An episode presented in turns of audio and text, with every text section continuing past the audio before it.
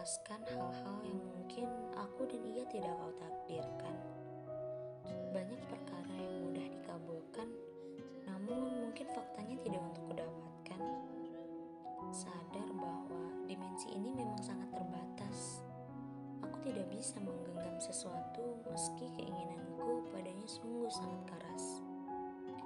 Lalu kusirami kembali hati yang mulanya kemarau oleh segala rasa tidak terima.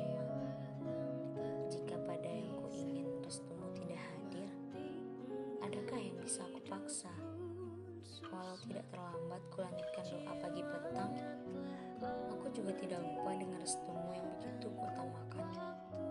Yang ku yakini, engkau mengarahkanku pada sesuatu terbaik dari yang ada. Juga engkau tidak pernah berusaha membuatku celaka. Benar, aku mau beberapa hal, namun jika di sana